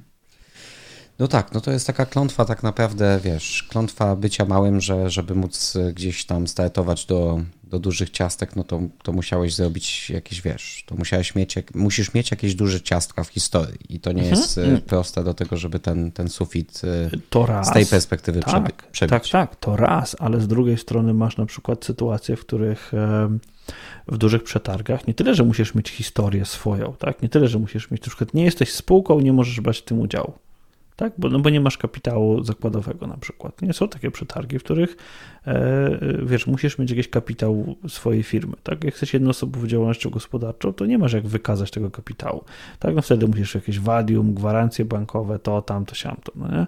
I jakby, mm, no, też jest ryzyko i dla, ja się też nie dziwię firmom, tak, że, że tak robią.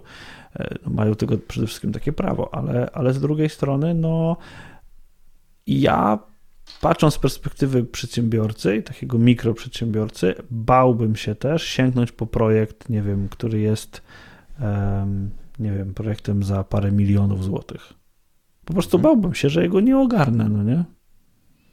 No wiesz, ty z jednej strony mówisz, że jak nie jesteś spółką, to nie masz szans, no a tak naprawdę wiesz, tak technicznie patrząc, no to jeżeli ktoś ma jednoosobową działalność, to, to to on tak naprawdę ryzykuje całym swoim kapitałem. E, Wiesz, w spółce to masz do, do tak, kapitału tak, i 5 tysięcy złotych dzięki. Nie?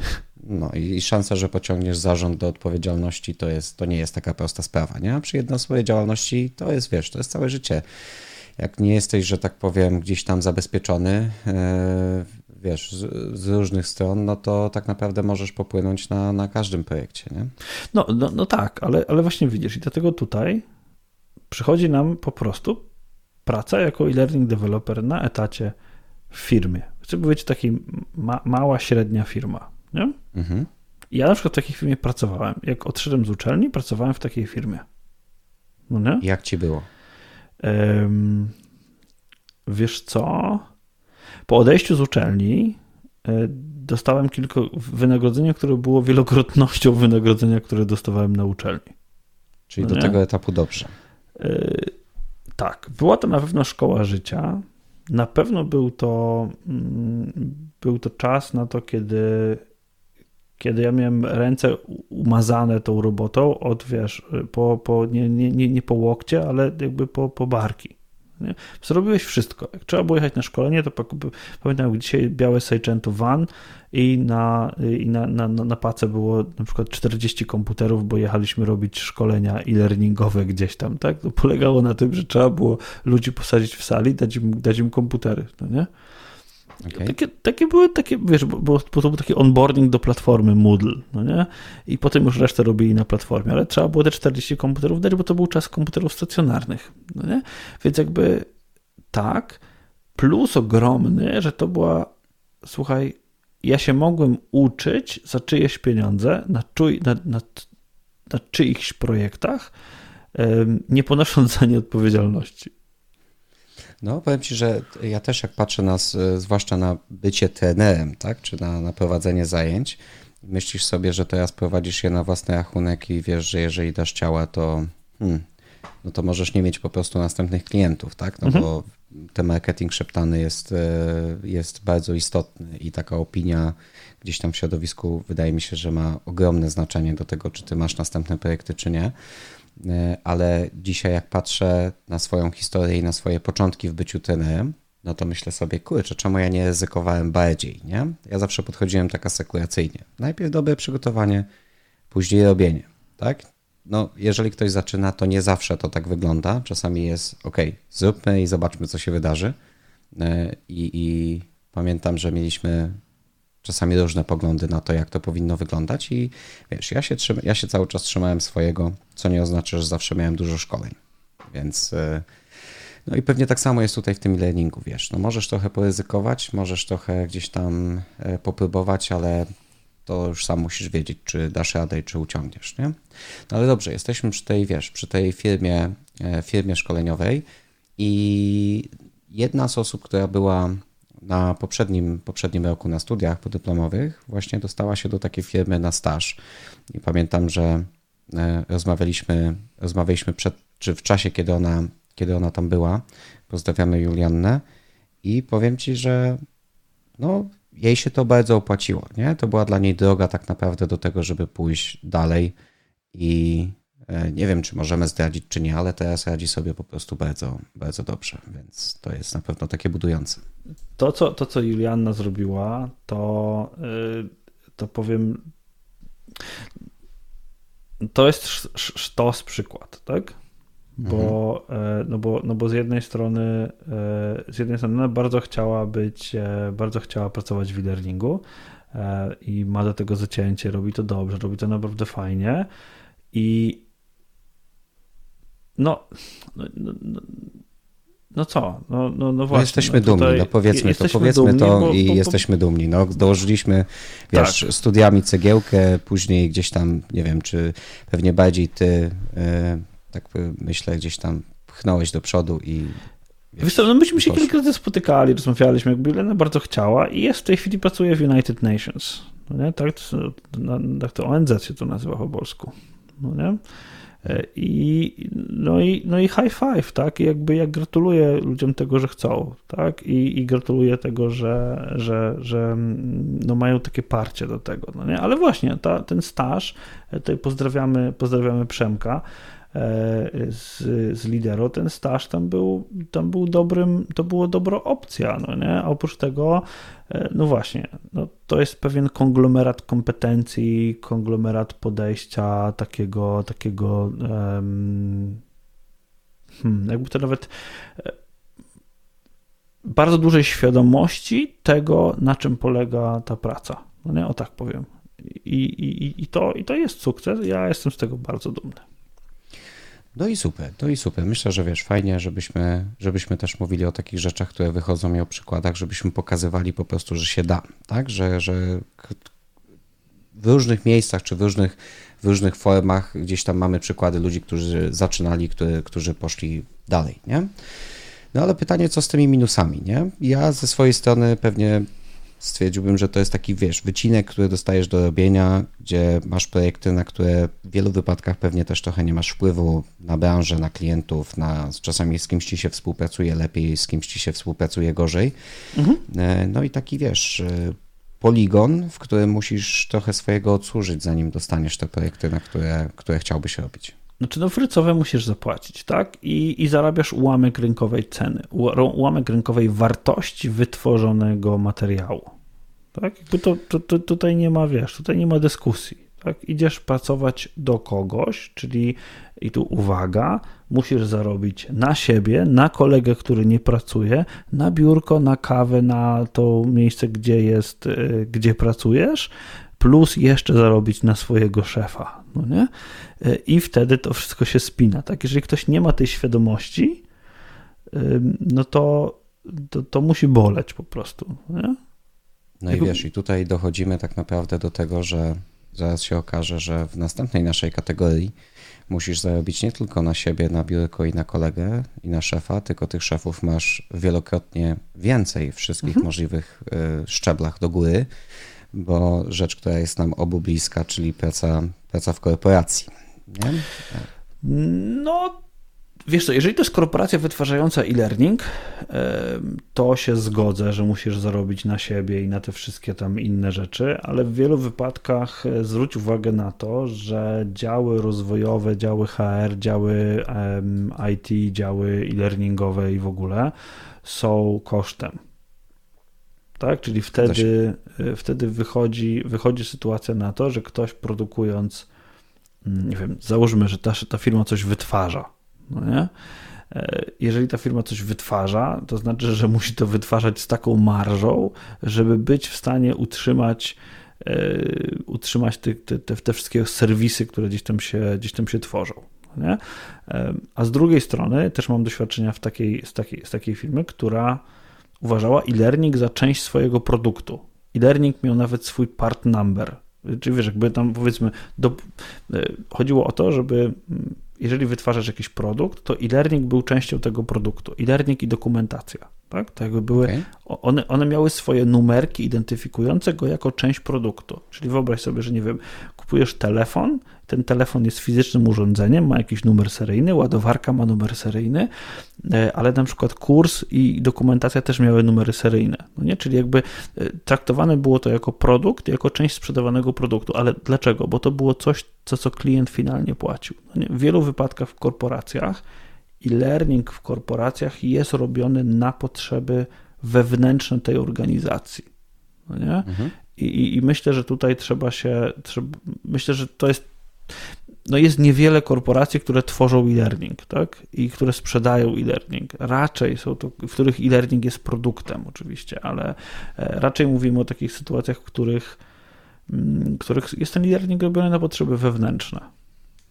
Jasne. No wiesz co, ja tutaj miałem na myśli na myśli to, że okej, okay, musisz zarobić, wiesz, na inne osoby, e, mhm. w, tym, w tym kontekście, że jesteś jakby często jesteś kosztowy, jesteś rzeczywiście kosztowy e, i ale mimo wszystko od tej twojej pracy zależy to, jaki będzie wynik, tak? Jeżeli robisz, załóżmy, no bardzo prosty przykład, robisz szkolenie sprzedażowe i ktoś się będzie tego źle uczył, no to jest duża szansa, że w ten sposób nie zarobi na tą firmę i nie zarobi na ciebie, tak? Więc tak dość, dość pośrednio i może pokrętnie, ale wydaje mi się, że mimo wszystko no, jest jakaś odpowiedzialność tutaj w nas i to się przekłada finalnie na to, E, jaka jest też Twoja kondycja. Może nie mhm. bezpośrednio w takich kosztowych wariantach, ale mimo wszystko, no mimo wszystko tak, nie?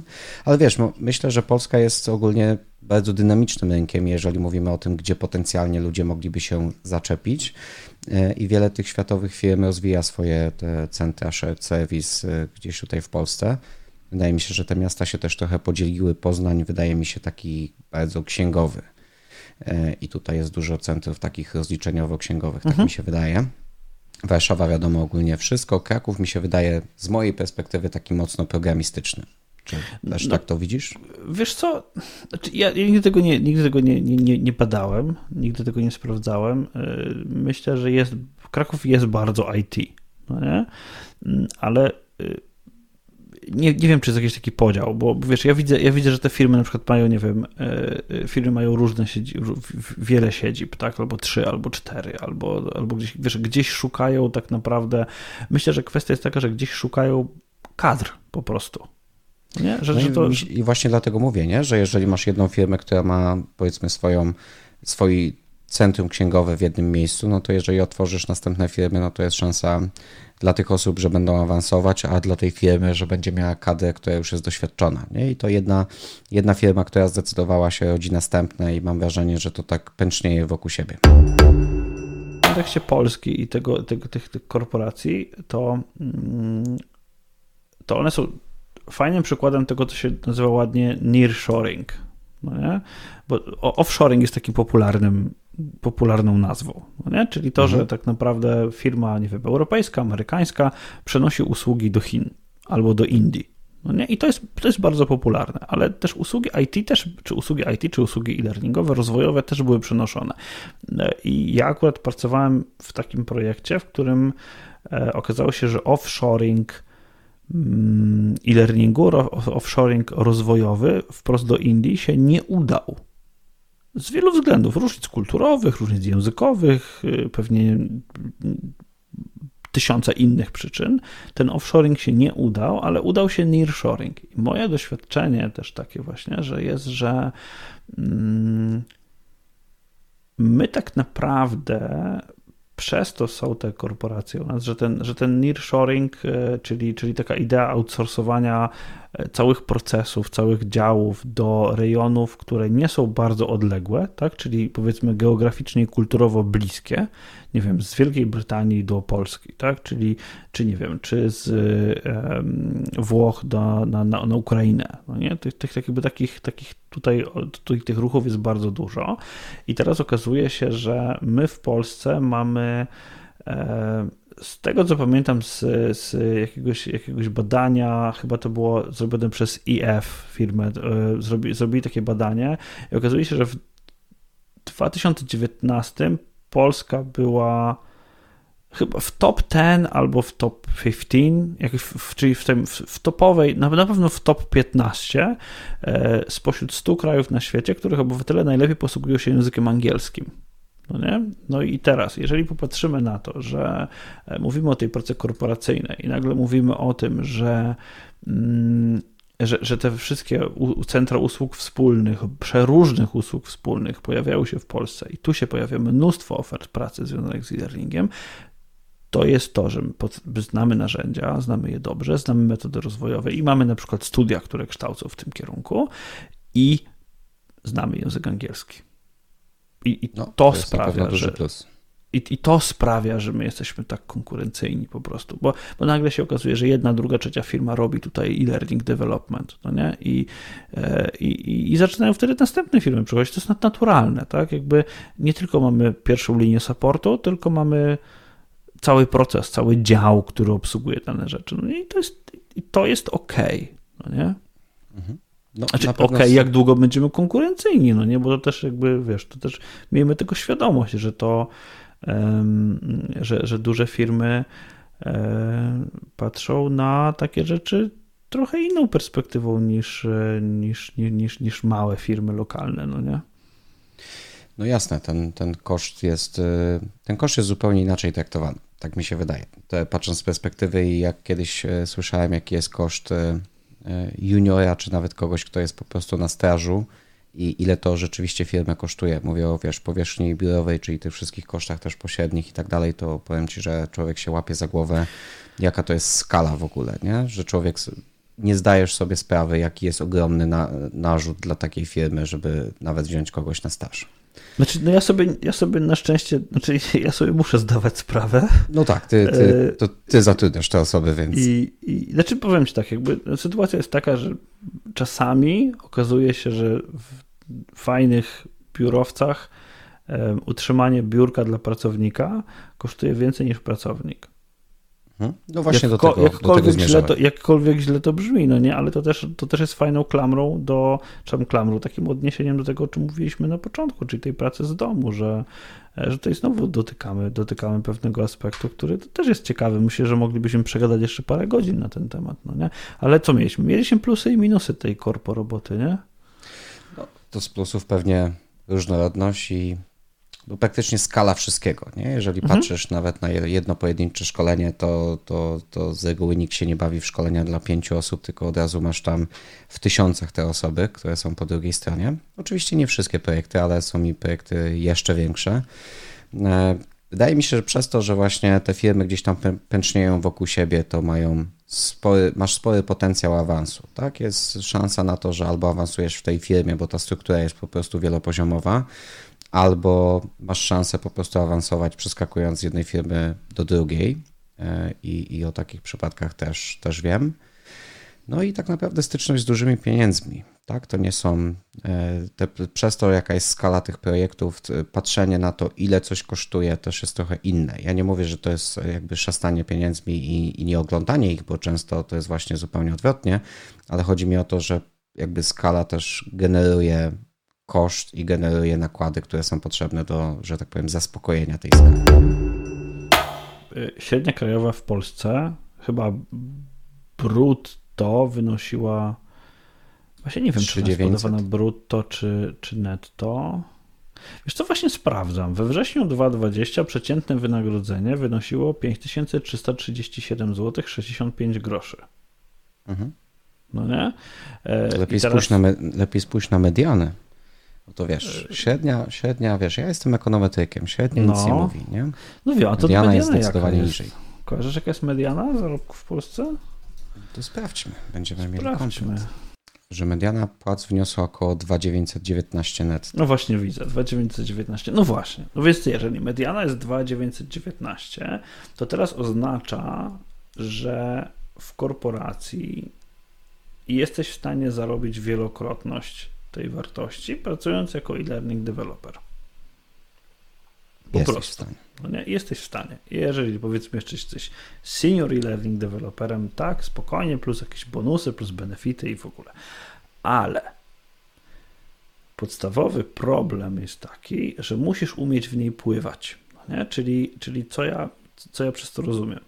Po pierwsze, korporacja charakteryzuje się ogromną inercją tak? To jest, to jest tak, jakbyś czasami chciał, chciał zatrzymać pociąg. No?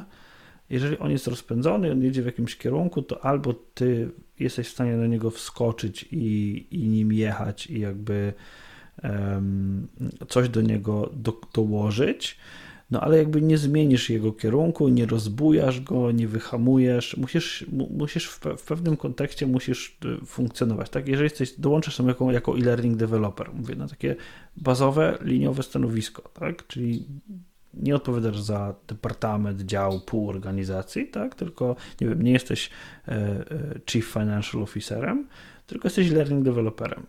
W takiej sytuacji nie masz wpływu na to, z jakich będziesz korzystał narzędzi, jaki będzie wyglądał proces, jak to się będzie działo. Tak? Wchodzisz i masz wykonywać pewną określoną pracę zgodnie z pewnym określonym procesem. No nie? Mhm. No, jeżeli już wsiądziesz do tego pociągu, to też trzeba pamiętać o tym, że on jest, e, tak jak mówisz, rozpędzony i przez to ta decyzyjność czasami jest też E, paradoksalnie długa, nie? Że, mhm. że on i tak podąża jakąś tam rzeczą, ale to nie zawsze się tak dzieje, wiesz, tutaj mamy trzy osoby, które ze sobą rozmawiają i ta, e, ta, ta decyzyjność jest też podyktowana tym, że jak wiele jest kontekstów i jak potencjalnie wiele przełożonych możesz mieć z różnych wymiarów. Nie? No bo z jednej strony masz kraj, w którym jesteś i gdzieś tam komuś podlegasz, z drugiej strony jest powiedzmy jakaś tam dywizja, linia produktów i nagle to się robi taka wielka konstelacja, gdzie tak naprawdę, no tak jak mówisz, trzeba umieć pływać, trzeba wiedzieć kto do kogo i z kim, do tego, żeby, żeby móc gdzieś tam funkcjonować w ogóle. No i też trzeba, nie ukrywajmy, przyzwyczaić się do tego, że ty pracujesz w bardzo rozproszonych zespołach, nie? Mhm. Jest y, y, na przykład moja mama mówi, że jej cały czas brakuje tej, tego kontaktu z ludźmi. Ona lu, lubi, lubi mieć i dla niej to jest takie uciążliwe, że teraz ta praca wygląda tak, a nie inaczej, tak? Ona chce kontaktu z żywym człowiekiem. No i wiesz, w korporacji często jest tak, że ty tego, oczywiście widzisz żywych ludzi, w cudzysłowie oczywiście, natomiast e, ludzi z Twojego teamu, oni mogą być gdzieś tam zupełnie na innych kontynentach, nie? więc to też trzeba mieć e, chęć do pracy właśnie w taki sposób. Owszem, aczkolwiek jakby patrzę, wiesz, jakby patrzę na, na, na korzyści, no to jak już jesteś trochę takim fighterem i trochę wiesz, jak, jak się poruszać w tym środowisku, jak, jak pływać w tym, w tym stawie, to no, w zasadzie nie martwisz się o projekt, e, czy klienta, czy ta praca przyjdzie, czy nie przyjdzie i tak dalej. E, I największą moim zdaniem wartością to jest to, co powiedziałeś, to jest skala pewnego rodzaju projektów. I skala, w której pracujesz, jest ogromną szkołą. No nie? I teraz e, myślę, że to jest coś, czego w żadnym innym miejscu nie znajdziesz tak? czyli tej skali nie znajdziesz w żadnej z innych firm, no chyba, że będziesz jakimś tam podwykonawcą dla korporacji, ale to nie jest to samo, tak? Mhm. Chodzi o to, że nagle robisz szkolenie, które jest, nie wiem, dla 100 tysięcy pracowników, no nie? To, to, to myślę, że y, no, rzadko się zdarza, żebyś miał wpływ na 100 tysięcy ludzi. Ale zobacz, jaki to daje potencjał. Jeżeli źle ustawisz raportowanie i to się nie zalicza i, i, i jakoś przejdzie testy, to zobacz, jaki masz później impact. No, Albo jaki ludzie mają impact na ciebie, nie? To jest dopiero. No, Więc tylko że właśnie widzisz, to swoje dobre i ze strony. To jest, to jest korporacja, gdzieś to się tam rozejdzie, powiesz, że komunikacja nie zadziałała albo proces trzeba poprawić. Nie, no, śmieję się, tak, ale wiesz, jakby znowu ta od pewnego rodzaju odpowiedzialność jest roz, roz, rozdystrybuowana, no nie? I teraz, co jest ciekawe, w zasadzie i ty i ja mamy ciekawe połączenie pracy korporacyjnej i pracy freelansowej. No nie? Zgadza się. I i teraz ja nie chcę powiedzieć, że to jest złoty środek, że to jest fajne i to jest dobre, ale powiem Ci, jak to z mojej perspektywy wygląda, że mm, jeżeli mam jakąś pracę taką freelansową, czyli, czyli pracuję na, na, na swój rachunek, to to, że pracuję w korporacji, daje mi możliwość nie brania projektów, które, które nie są dla mnie ciekawe albo w jakikolwiek sposób interesujące. No nie? Po prostu mhm. nie, patrzę na ten projekt, myślę sobie, nie ma w nim nic fajnego dla mnie, nie biorę. Dlaczego? Bo nie muszę. Nie? A z drugiej strony, kiedy, kiedy pracuję, w, kiedy jestem na stanowisku korporacyjnym e, i na przykład, nie wiem, no czasami ktoś chce na tobie coś wymóc, nie? albo jakoś tam wpłynąć na jakąś tam twoją decyzję, albo e, ty jesteś do czegoś, no, nie chcę powiedzieć zmuszony, tak, ale mm, inaczej, mam odwagę do tego, żeby się pewnym rzeczom sprzeciwić. Dlaczego? Bo mam tę poduszkę w postaci własnej działalności. No nie? Ja wiem, że z tej własnej działalności mogę, mogę żyć, mogę funkcjonować i jakby to nie w żaden sposób e, odejście z korporacji, w żaden sposób nie, e, nie obniży na przykład mojego standardu życia. Tak? Albo nawet jeżeli obniży, to dalej mogę w dobrym poziomie funkcjonować. No nie? I to daje mi taką możliwość, że wiesz, jakby e, i z jednej i z drugiej strony te rzeczy do siebie pasują i jedna i druga z tych stron z tego korzystają. No nie? Ale uwaga, żeby w korporacji firma zgodziła się na to, żebyś pracował w tak specyficznej sytuacji, potrzebny jest całkiem spory wysiłek. I to na etapie e, nawet podpisywania umów, negocjowania umów i tak dalej to, to jest spory wysiłek. W każdej, w, zasadzie w ostatnie firmy, w których dwie firmy, w których spędziłem prawie, ojej, będzie za chwilę prawie 10 lat, to i jedna i druga się zgodziły na taką konfigurację zawodową, no ale to wymaga wysiłku, no nie? Ale wiesz, jesteś żywym przykładem na to, że się da i trzeba się po prostu nauczyć tego pływania w tym korporacyjnym świecie.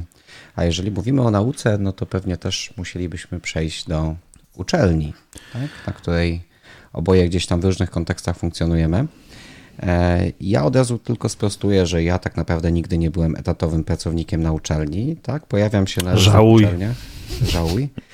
E, skoro tak mówisz, dobrze, przyjmuję to, że, e, że, tak, że wiesz, że jest, jest jakby czego żałować, ale mówię, no nie mam, też nie mam za bardzo jak się odnieść, bo prowadzę zajęcia przez 4,5 roku, powiedzmy, prowadziłem różne przedmioty na uczelni, ale bardziej jako praktyk, a nie jako element tej całej ścieżki, e, ścieżki powiedzmy edukacyjnej osób, które prowadzą zajęcia i wiadomo, że dla nich, no mam wrażenie, że to jest tak naprawdę taka machina, która się wzajemnie napędza, tak? Że z jednej strony, żeby być powiedzmy na uczelni i piąć się na tych publicznych uczelniach gdzieś tam wyżej, no to musisz prowadzić zajęcia, e, no i z drugiej strony musisz robić e, badania do tego, żeby te tytuły gdzieś tam po kolei zdobywać punkty i nie punkty. E, I tak naprawdę mam wrażenie, że to jest w pewnych momentach też słabość i absolutnie nie jest to znowu przytyk do kogokolwiek, ale nie każda, inaczej, mamy system takich uczelni, które są dydaktyczno-naukowe. I to powoduje, że w wielu wypadkach możesz trafić na dydaktyka, który jest dobrym naukowcem, ale nie, od, ale nie jest dobrym dydaktykiem. No i z drugiej strony trafić na osobę, która będzie super w przekazywaniu wiedzy, ale niekoniecznie będzie dobrym naukowcem. Nie? I to jest takie, takie moje przemyślenie, że no nie, zawsze, nie zawsze to robi dobrze, tak? Do tego, żeby mieć wysoki poziom edukacji dla studentów. Tak mi się wydaje. Mhm. E, wiesz co, ja, ja pracowałem mm, ja pracowałem na dwóch uczelniach i mm, i wiesz co, i mam wrażenie, że, że one były jeżeli, zacznijmy od tej, od tej części tej naukowo-dydaktycznej. No nie? Jest, taki, mm, jest taki film, który, który ja dość lubię, nazywa się Chłopaki nie płaczą. I tam jest takie spotkanie, y, kiedy, kiedy przyjeżdża, przyjeżdża ten główny bohater zdawać egzamin, a jest już spóźniony. No nie? Mhm. I, I tam jest taki cytat że, że tam jakaś tam koleżanka, jedna, jedna z profesora, czy tam jakaś pani, która organizuje ten egzamin, czy jedna z egzaminatorek, już nie pamiętam jaka była jej rola, i mówi, że no, jest tam pan dziekan Zajączek i, i, i mówi, że no to trudno, to zapraszam na sesję poprawkową we wrześniu, no spóźnił się pan trudno, no nie? I ona mówi, że nie, no ale panie profesorze, no panie dziekanie, no wróćmy do sali, przeegzaminujmy tego studenta jednak jeszcze. A on mówi takie bardzo fajne zdanie. Droga koleżanko, taka pobłażliwość wobec studentów jest niedopuszczalna. Gotowi pomyśleć, że my tu jesteśmy dla nich. No nie? I ja myślę, że to jest, to jest świetna puenta tego, że niestety dydaktyków, dobrych dydaktyków na uczelniach jest bardzo mało. Wiesz, ja też e, tym swoim stwierdzeniem o tym, że to czasami robi źle tym, tej edukacji uczelnianej, nie chcę powiedzieć, że nie spotkałem e, super osób, które gdzieś tam na mojej drodze się pojawiły, bo teraz wspomniana pani Szarzec, e, pani Małgorzata Doman i wielu, wielu innych wspaniałych e, wykładowców, których spotkałem, to, to były osoby, które rzeczywiście, no wiesz, na długo zostają w głowie i myślę, że już zostaną. Tylko chodziło mi bardziej o ogół, nie? Że, to, że to nie zawsze musi robić dobrze jakiemuś poziomowi jednej czy drugiej części, tak? Y, mhm. Może i to się y, broni jakby super w jednej dziedzinie, ale nie zawsze musi się to bronić w obu tych stronach. Wiesz, ja myślę, że są, są fenomenalni wykładowcy, są, są fenomenalni dydaktycy, ale a reszta uczy, bo musi. No nie? I już. I jakby, wiesz, i jak też się, i też się nie dziwię, że tak jest, tak? Bo jakby Jakuba też powinna na, na, dzień tego, tego, tego dydaktyka, czy dzień pracy na uczelni, to też to wygląda tak, że to nie jest core zajęć. No nie? To nie jest core tego, co robisz. Jeżeli masz swoją pasję naukową i ta nauka cię e, napędza, no to, no, no to okej, okay, tak? No ale, ale wiesz, żeby ktoś to finansował i żebyś miał z czego żyć, no to musisz uczyć, no nie? Ale jak popatrzysz na to, na pracę na uczelni, ja nie byłem, ja nie byłem nigdy na uczelni na, na stanowisku dydaktycznym, tak? E, ale fenomenalne było to, że na uczelni jest dobrowolna, niemal nieograniczona możliwość uczenia się. Tak? Nie było, w żadnym innym miejscu, w którym pracowałem, nie miałem takiej możliwości uczenia się. Na zasadzie, masz, chcesz książkę, masz książkę, chcesz kurs, masz kurs, chcesz projekt, masz projekt, chcesz sfinansować jakieś badania, sfinansujesz jakieś badania, chcesz zrobić eksperyment, zrobisz eksperyment. No nie? Mhm. Jakby i jest przyzwolenie na to, żeby te eksperymenty były biznesowo bezsensowne. Rozumiesz, jakby one nie muszą przynosić e, biznes, one się nie muszą spinać biznesowo, tak? Można je zrobić, bo ma się taką potrzebę, no nie? Albo chce się sprawdzić, czy coś będzie działało. No na, no, na, to, na to w żadnym tak innym miejscu ci się nie zgodzą, no nie? Patrząc na to czasami, jakie są tytuły i ludzi szukających jakby powiązania pomiędzy czymś a czymś, to nagle to, to jestem, jestem w stanie w to, w to mhm. uwierzyć, nie? Mhm. Mhm. Ale wiesz, też mi się tak wydaje, że z perspektywy jakby e-learning developera, o którym tutaj mówimy, zastanawiam się, czy tak naprawdę jego rola w ogóle jest na tej uczelni potrzebna. Ja bym bardziej powiedział, że to jest osoba instructional design, designera, która jest potrzebna, bo tak naprawdę no, przez mnogość jakby ilości tych wykładowców, ilości kursów, które oni prowadzą, załóżmy uczelnia ma dostęp do, do Moodla i na tym Moodlu te zajęcia prowadzi, bardziej wydaje mi się, że to są jakby karty, całe jakby przedmioty, w których one się składają z wielu różnych komponentów, natomiast jako tako szkolenie e-learningowe, takie jak myślimy o storyline i tak dalej, to ja nie znajduję za bardzo, za dużo miejsca, tak, za dużo pola do tego, żeby, żeby tutaj tego dewelopera umieścić i wydaje mi się, że osoba, która mogłaby wspomagać innych w tym procesie e, nauczania byłaby tutaj zdecydowanie, zdecydowanie lepsza niż sam deweloper. Wiesz co, ja, ja mam, mam, mam przykłady, ale możliwe, że to jest tylko taki, to jest tylko kilka przykładów potwierdzających regułę, o której mówisz. E, mam kilka przykładów, gdzie w uczelniach jest stosowany storyline i tam są jakieś składane kursy w nim. Mm, myślę, że dydaktyka uczelniana jest po prostu specyficzną formą uczenia, e-learning ma w niej miejsce, ale ten learning jest trochę na innym poziomie. No i trochę inaczej jest on dostarczany. I, I, wiesz, na przykład muki, tak? Takiego, zbudować takiego muka, no to też trzeba być dobrym deweloperem, no nie? Tylko to, to jest inny trochę development, na innym poziomie, w innym narzędziu, no nie? I, i to moim zdaniem jest, to moim zdaniem jest ok, um, ale na uczelni jest zupełnie gdzie indziej problem. No nie? mój personalny problem z, z, uczelnią jest zupełnie w innym miejscu. Tak? Przede wszystkim w, jest on w tym miejscu, że ja, że ja, ja, ja zaczynałem pracę na uczelni, potem znowu mi zapachniały korporacje, potem znowu wróciłem na uczelnię, potem znowu mi zapachniały korporacje. I z perspektywy Czyli czas lat, na uczelnię. Proszę? Jako, jako, czyli czas na uczelnię, jako ekonometryk na y, y, podstawie historycznych y, danych. Widzę, że potrzebujesz uczelni. Tak, potrzebuję uczelni z tym, że A. Feudalizm, B. Kastowość, C. Zero hajsu. No nie? Jakby te trzy czynniki sprawiają, że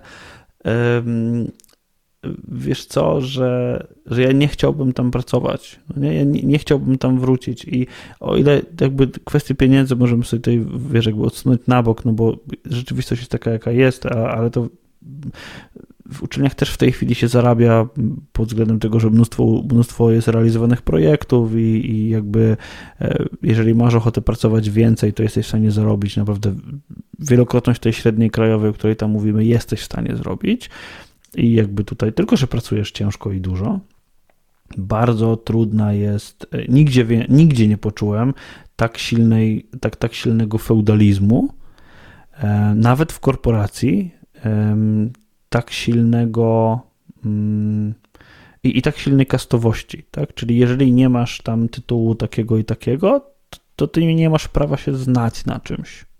No nie? Mhm.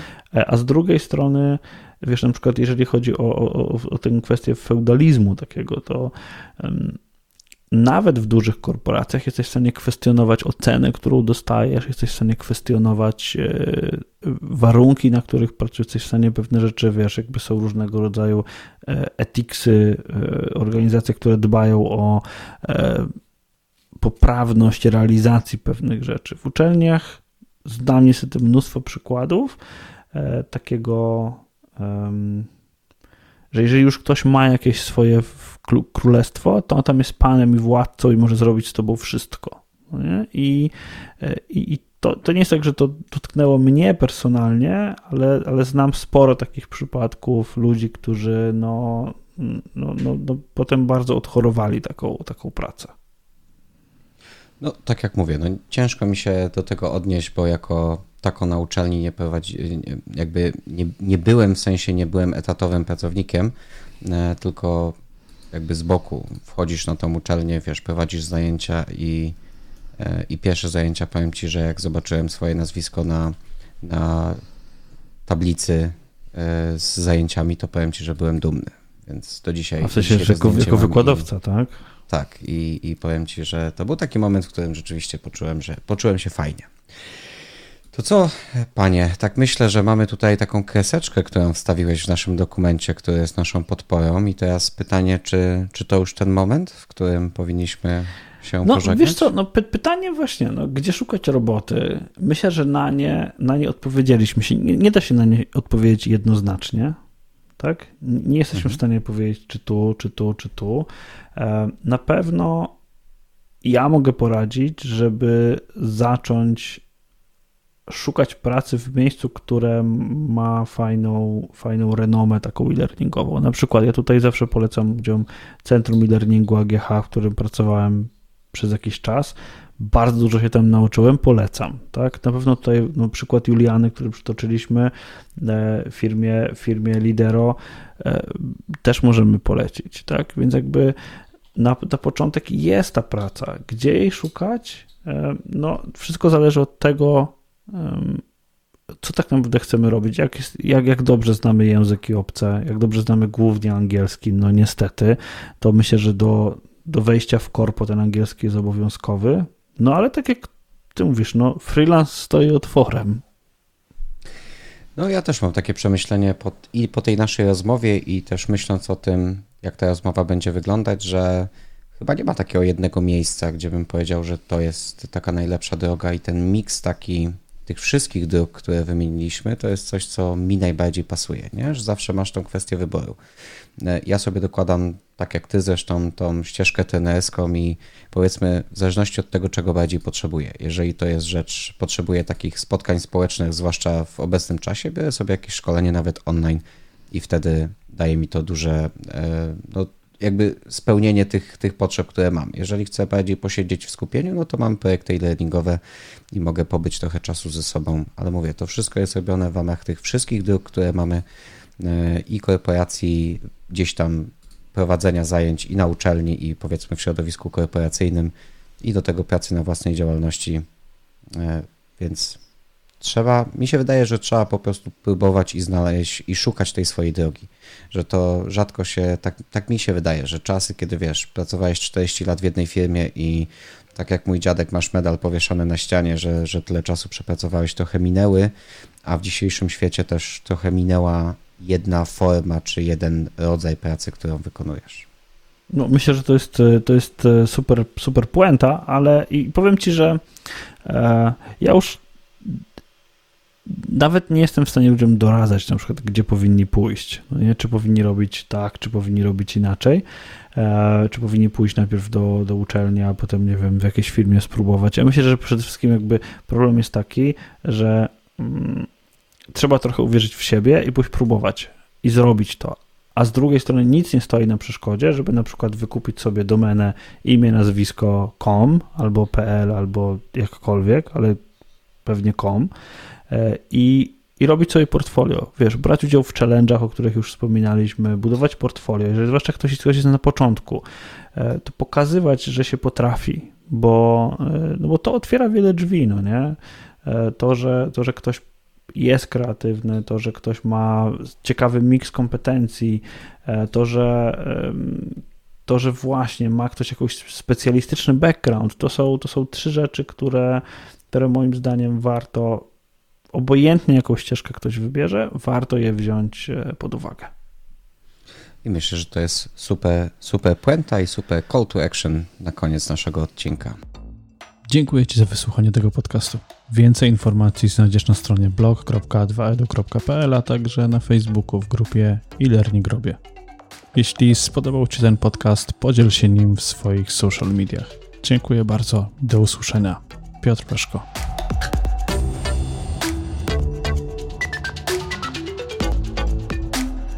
2EDU. Podcast o szkoleniach, prezentacjach i technologiach wspierających rozwój.